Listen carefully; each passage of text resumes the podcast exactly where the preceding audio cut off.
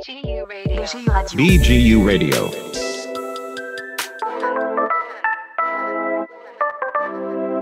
מבולבלים? הולכים לאיבוד בתוך כל המידע? ברוכים הבאים למבוא לאוניברסיטה, לשמוע, להבין, להחליט. שלום לכולם, אני הלל ואיתי פה באולפן דוקטור ליאור שמואלוף, ראש התוכנית ללימודי קוגניציה, מדעי המוח. שלום. היי, שלום, תודה שהזמנתם אותי. איזה כיף שאתה פה. אני חייבת לומר שאני, כשאני שומעת את המילה קוגניציה ומדעי המוח, זה נשמע מפוצץ וזה נשמע נפלא, ואז אני לא יודעת מה זה אומר. אז אני נורא אשמח שתסביר לנו קצת. כן, זה באמת השאלה הראשונה שאנחנו נתקלים בה ומנסים להבהיר אותה, במיוחד אה, בימים פתוחים כאלה. אה, מדעי הקוגניציה, הכוונה היא אה, לגישה רב-תחומית לחקר התנהגות. כשאני אומר רב-תחומי, הרעיון הוא לשלב בין תת או דיסציפלינות שונות ולקחת את הפרספקטיבות שלהם ואת המיומנויות והכלים שלהם כדי לשאול שאלות גדולות ובעצם להשיג פריצות דרך בתחום של, של מדעי המוח והקוגניציה. תת דיסציפלינות שאנחנו הם, אה, עובדים דרכם ומלמדים אותם, הן אה, מתחילות בתחום של אה, מדעי הצו, שזה בעצם נוירוסיינס, פיזיולוגיה, מהי המבנה, הפיזיולוגיה של מדעי המוח. אנחנו מתחילים מרמת התא, כיצד אה, תא הצו עובד, כיצד הוא מאבד נתונים, כיצד תא הצו אחד מתקשר עם תא הצו אחר, מהם הפלטים שלו, מהם הקלטים שלו, כיצד מערכת עצבית קטנה עובדת, מהם uh, בעצם קלטים שהם uh, גורמים לאקסיטציה, לעלייה בפעילות מול הורדה בפעילות, אינהיביציה. כיצד מערכות גדולות יותר כמו מערכות החוש, מערכת הראייה, מערכת השמיעה, כיצד הן מאבדות נתונים, מאבדות אינפורמציה, כיצד הן מגיעות בסופו של דבר לייצוגים שאנחנו חווים אותם, ואיך בסופו של דבר הכל מתחבר ומביא להתנהגות. אז זה תחום אחד. התחום השני זה התחום של אה, חישוביות עצבית. שכאן הרעיון הוא לקחת אה, רעיונות ומודלים מהתחום של אה, מדעי המחשב, כי אנחנו מסתכלים על, על המוח בעצם כמערכת שמאבדת נתונים. אז אנחנו גם לוקחים אה, רעיונות שקשורים אה, לעיבוד אינפורמציה ואנחנו בודקים עד כמה הם מדויקים ועד כמה הם דומים לדרך שבה אנחנו מאבדים אינפורמציה, עד כמה זיכרון עבודה שלנו הוא דומה לזיכרון העבודה הרם שיש לנו במחשב לדוגמה, וגם אנחנו משתמשים הרבה בכלים שמגיעים ממדעי המחשב, באלגוריתמים של מדעי המחשב כמו למידת מכונה, כדי להתמודד עם, אה, עם הכמויות העצומות של הנתונים שאנחנו אוספים כשאנחנו עושים הדמיה מוחית באמצעות אלקטרודות EEG או באמצעות הדמיה של, שמבוססת על MRI כמו function functional MRI. זה התחום השני. התחום השלישי זה התחום של, אה, של בלשנות. אז בלשנות או שפה זה בעצם התוצר, אחד התוצרים העילאיים של המערכת הקוגניטיבית שלנו. זה מערכת מאוד מאוד מורכבת ואנחנו חושבים שאם נבין יותר טוב את המבנים אה, שעומדים בבסיס השפה, אנחנו גם אה, נבין יותר טוב כיצד המוח שלנו עובד, או כיצד המערכת הקוגניטיבית עובדת. אז על ידי חקר המודל הזה, המודל המורכב של השפה, אנחנו מנסים להבין טוב יותר על אבני הבניין של הקוגניציה. אה, וגם באספקט ההתפתחותי, זאת אומרת איך רוכשים את, את המיומנות המורכבת הזאת, האם היא מבוססת על אבני בניין, כיצד האבני בניין האלה נרכשות, מה קורה כשמישהו חווה פגיעה, פגיעה סנסורית או פגיעה גבוהה יותר, איך זה משפיע על התהליכים השפתיים. הדיסציפלינה הרביעית זה, זה פילוסופיה של הנפש, שהם בעצם אה, עוזרים לנו לשאול את השאלות הקשות שקשורות במדעי המוח. זאת אומרת, מה הקשר בין אה, אה, פוטנציאלי פעולה שקוראים לי בתא הצו, לבין הגירוי החיצוני שאני רואה אותו, ובין הייצוג הפנימי המודע או הלא מודע של הגירוי הזה. איך אנחנו בכלל אמורים להתחיל לחשוב על זה? מה הקריטריונים שמבחינתנו הם, הם, הם צריכים, צריכים להתקיים כדי שמשהו ייחשב כייצוג? אז זה התחום של פילוסופיה. זאת בעצם נותן הבחנה וניסוח של השאלות הקשות ואיך אנחנו אמורים להגיע אליהן. והתחום החמישי זה התחום של אה, פסיכולוגיה קוגניטיבית, שהוא בעצם המנוע של התהליך הזה. כי בפסיכולוגיה קוגניטיבית בעצם חוקרים את הבסיס להתנהגות מתוך איזו ראייה שהמערכת המוחית אה, מושתתת על תת מערכות והאינטראקציה בין המערכות האלה משפיעה על ההתנהגות. אז אני מדבר על אה, זיכרון, זיכרון עבודה, קשב, הפניה של קשב, ואני מדבר על כל המיומנויות שמגיעות מפסיכולוגיה של חקר ההתנהגות, כיצד אנחנו חוקרים התנהגות בצורה שתאפשר לנו הכללה של הנתונים שלנו על אוכלוסיות, כיצד אנחנו צריכים לשאול שאלות מחקר, אז זה בעצם נותן לנו את הפן ההתנהגותי שהוא העוגן אה, לשאלות שאנחנו שואלים. כל החמשת התחומים האלה, כולם עוברים אותם? הם, אה, זה משהו שנלמד לאורך כל שלושת השנים? אמ, כן, אז בעצם כל הסטודנטים שלנו נחשפים למיומנויות ולקורסי מבוא בכל אחד מהתחומים האלה, אה, גם במסגרת התואר הדו-חוגי וגם במסגרת התואר החד-חוגי, ובנוסף לזה הסטודנטים שלנו הם בוחרים התמחות באחד מה, מהתחומים האלה. אז לכולם יש מושג כללי והם מקבלים, אה, לומדים לדוגמה אה, חדווה ואלגברה ומבוא אה, לחישוביות וקוגניציה. ומי שילמד במגמה לחישוביות יעשה עוד קורסים במתמטיקה ויקח קורסים מתקדמים בחישוביות. או כולם לומדים פסיכולוגיה פיזיולוגית ונוירואנטומיה תפקודית שזה ייתן להם את הבסיס בפיזיולוגיה ורק מי שיבחר את המסלול גם יקבל קורסים שייתנו לו בסיס בכימיה וביולוגיה מולקולרית מה שנקרא אצלנו הבסיס התאי וקורסים יותר מתקדמים על תהליכים חשמליים שקורים בתאי. אה, אז כמות ההתמחות היא כבר שאלה של האם עושים אצלנו דו-חוגי או חד-חוגי. ההתמחות יכולה להיות או מצומצמת בהיקף של משהו כמו 20 נקודות או רחבה יותר בהיקף של 30 נקודות. וזה נבחר בשנה השנייה, אני מבינה. הסטודנטים שנרשמים אלינו עכשיו הם צריכים להחליט אם הם רוצים לבוא למסגרת אה, חד-חוגית או דו-חוגית. השילובים האפשריים של אה, דו-חוגי אצלנו עכשיו הם לקחת את המחלקה שלנו יחד עם בלשנות, פילוסופיה או, או פסיכולוגיה. אה, ואז באמת בשנה ב', לקראת שנה ב', בוחרים את ההתמחות, או לקחת אותנו במסגרת החד-חוגית, ואז לומדים 90 נקודות במסגרת אה, קוגניציה ומדעי המוח, ולוקחים עוד חטיבה, שהחטיבה היא אחת מהחטיבות שמוצעות באוניברסיטה.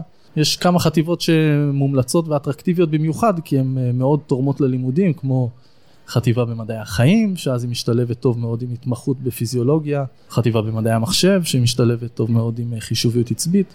אז יש כל מיני שילובים אה, שאנחנו ממליצים עליהם. מה לדעתך מייחד את המחלקה שלנו פה לעומת מחלקות אחרות? אני חושב שמה שמייחד את המחלקה שלנו זה באמת השילוב הזה בין קוגניציה ומוח. במחלקות אחרות, תוכניות אחרות, בדרך כלל זה קוגניציה בנפרד ומוח בנפרד. שקוגניציה בנפרד היא בדרך כלל ניתנת בהקשר של מדעי הרוח והחברה. אה, הסטודנטים מקבלים BA במסגרת אה, דו-חוגית, הם יכולים לקחת את זה בשילוב עם אה, תוכנית אחרת. אצלנו מקבלים BSc, משלבים, מקבלים די הרבה מוח יחד עם לימודי הקוגניציה. ויש לנו את האפשרות לקחת חד חוגי, זאת אומרת ממש להקדיש את כל הלימודים שלכם, לקבל רקע רחב בתחום של מדעי הקוגניציה והמוח, וגם התמחות שהיא די משמעותית באחד מתתי התחומים. למי לדעתך זה מתאים, המסלול הזה? איך אתה רואה את הסטודנטים שלכם? זה מאוד מתאים לסטודנטים סקרנים. כי זה, זה רק, זה באמת מאוד מאוד מעניין, יש כל כך הרבה תחומים מעניינים וכל כך הרבה כיוונים מעניינים ושילובים שיכולים להיות מרתקים ואנחנו עושים מה שאנחנו יכולים כדי לתת מענה לצרכים ולעניין של הסטודנטים שלנו, אנחנו מאפשרים כמה שיותר שילובים שאנחנו יכולים, הם לא מתחייבים, שזה גם משהו בפרופיל של הסטודנטים, שזה נותן אחר כך כל מיני, יש כל מיני אופציות המשך אה, בתחום של מדעי המוח. אנחנו גם צריכים סטודנטים כאלה שיודעים לשבת וללמוד, כי זה דור דורש באמת המון, גם uh, להצליח במתמטיקות של הנדסה ולהצליח להבין מה רוצים ממך בפילוסופיה של הנפש ובלשנות, זה, זה דורש באמת uh, מיומנויות מאוד מגוונות, אז צריך uh, לשבת ביחד, צריך לדעת ללמוד ביחד כדי, זה, זה, זה דורש הרבה, הרבה יכולות למידה, אז סקרנות ותחת, זה מקסים. כן. ומה עושים עם זה אחר כך?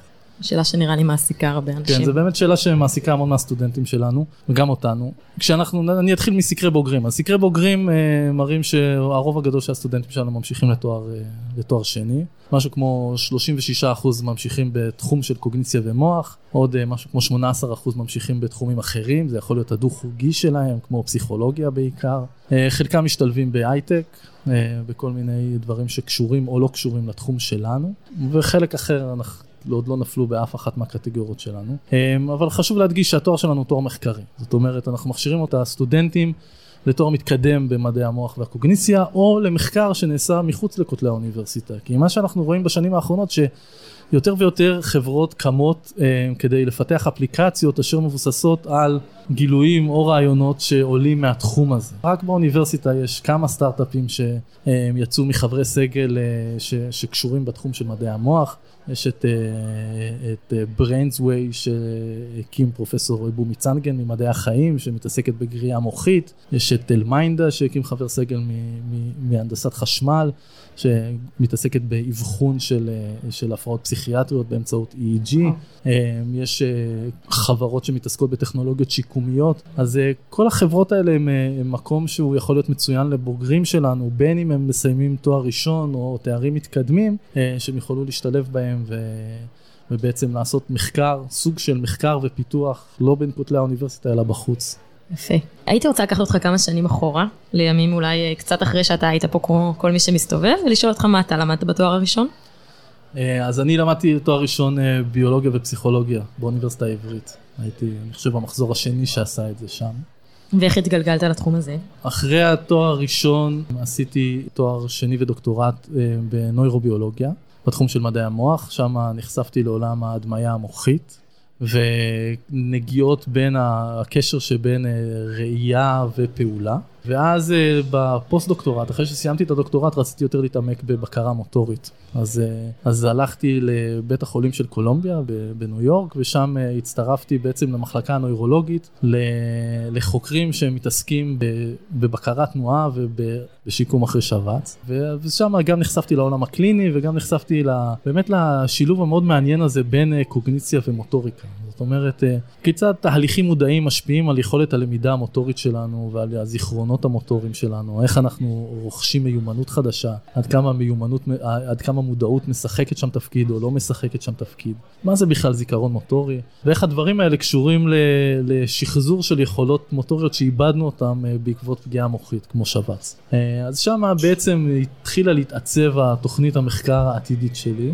אחר כך אה, חזרתי לארץ ועשיתי פוסט דוקטורט אה, נוסף במכון ויצמן עם פרופסור תמר פלאש, שהעמקתי את המחקר של, אה, של בקרת תנועה, ולפני שבע שנים הגעתי לפה, למחלקה לקוגניציה ומוח, וזה בית נהדר, כי באמת יש פה, בתוך המחלקה יש שיתופי פעולה, עם, אני משתף פעולה עם דוקטור ניב פרסקו, שאלות פילוסופיות שקשורות למיומנות ובעצם אה, הצורך בבקרה מודעת אה, כדי לרכוש מיומנות ומה זה, זה הרגלים וכיצד, מה הקשר בין הרגלים ומיומנות.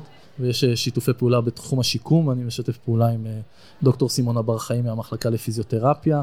אנחנו ביחד מקימים קליניקה שיקומית כדי לחקור את כל השאלות שקשורות אה, לשיקום משבץ. ואני משתף פעולה עם דוקטור אורן שריקי מהמחלקה בנושא של אה, למידה בהקשר של אה, ממשקי מוח מחשב. אז באמת כיף פה, יש פה הרבה אנשים שאתה יכול לדבר איתם ומאוד מאוד מגוון, כי אפשר באמת לעשות דברים בכל המרחב הזה, בין הנדסה לבין רפואה לבין פילוסופיה, הכל פתוח וכולם פה באותו קמפוס.